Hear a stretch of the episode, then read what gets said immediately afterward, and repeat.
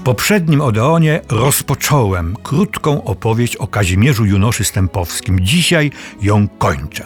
Opowieść o bogatym życiu artystycznym i równie bogatym życiu osobistym. Był bowiem nie tylko najwybitniejszym aktorem filmowym i teatralnym okresu międzywojennego, ale i fascynującą, a czasami bulwersującą osobowością. Pierwsza żona Kazimierza Junoszy Stępowskiego, Helena, zmarła w 1915 roku.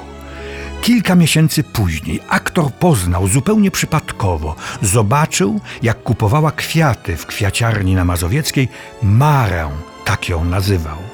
Rozpoczęła się trwająca ponad 20 lat, niezwykła, przybierająca różne formy i kształty, przerywana, ale nigdy nie wygasła miłość do najpierw siedemnastoletniej dziewczyny, potem kobiety, żony innego mężczyzny, matki dzieciom. Ale o tym dramatycznym romansie opowiem innym razem. Junosza Stępowski, będąc razem z Marą, poznał Jadwigę, mężatkę, w której też się zakochał i po uzyskaniu przez nią rozwodu ożenił. Chciał z niej niczym obywatel Kane w filmie Orsona Wellesa uczynić wielką artystkę, śpiewaczkę. Wysłał ją nawet na prywatne studia śpiewu do Włoch, ale wysiłki na nic się nie zdały. Jadwiga wystąpiła w trzecioplanowej roli jako Jaga Juno tylko w jednym filmie Tajemnicy przystanku tramwajowego w 1922 roku. Nikt na nią nie zwrócił uwagi poza mężem oczywiście. Oczekiwania Junoszy po prostu przerastały jej możliwości. Nie mogąc im sprostać, czuła się coraz bardziej zagubiona. Nie potrafiła się znaleźć w sytuacji, w której w znacznej mierze bez własnej woli się znalazła. Presja ze strony męża okazała się za silna. Jaga była najpierw zbyt uległa, potem za mało odporna, za słaba. W jej życiu pojawił się narkotyk, którym wtedy była przede wszystkim morfina.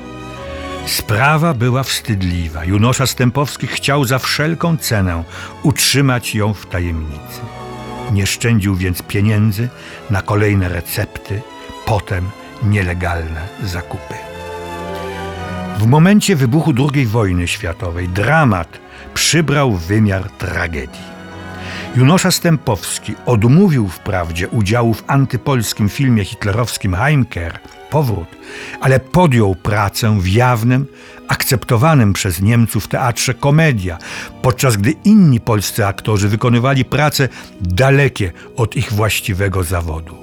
Pieniędzy na morfinę ciągle jednak brakowało.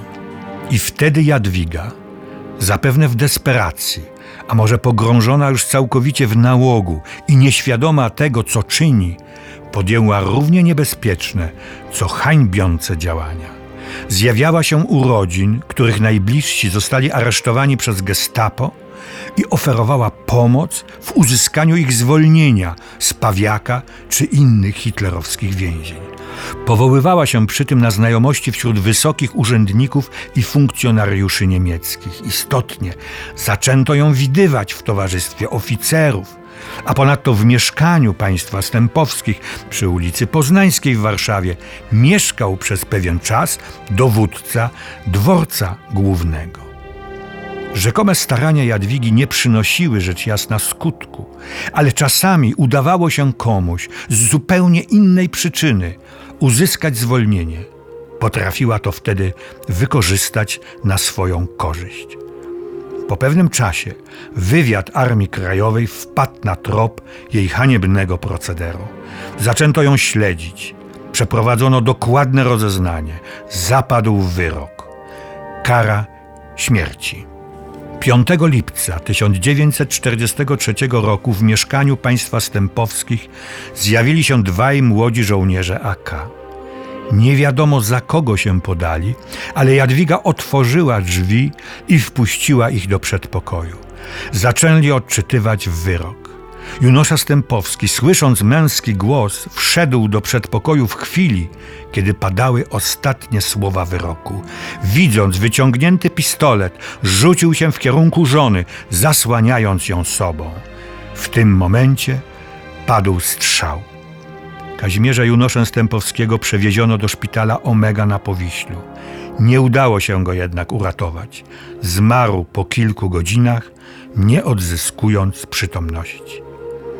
Dziewięć miesięcy później, w kwietniu 1944 roku, wyrok na Jadwidze Stępowskiej wykonano nie w mieszkaniu, lecz kiedy wychodziła z domu przy ulicy Poznańskiej. Po wojnie krążyły najróżniejsze pogłoski, że Junosza Stępowski był konfidentem gestapo i dlatego został zastrzelony, że konfidentką była jego żona, albo że była to spontaniczna akcja nieznanych mścicieli. Prawda jednak jest taka, jaką przed chwilą przedstawiłem.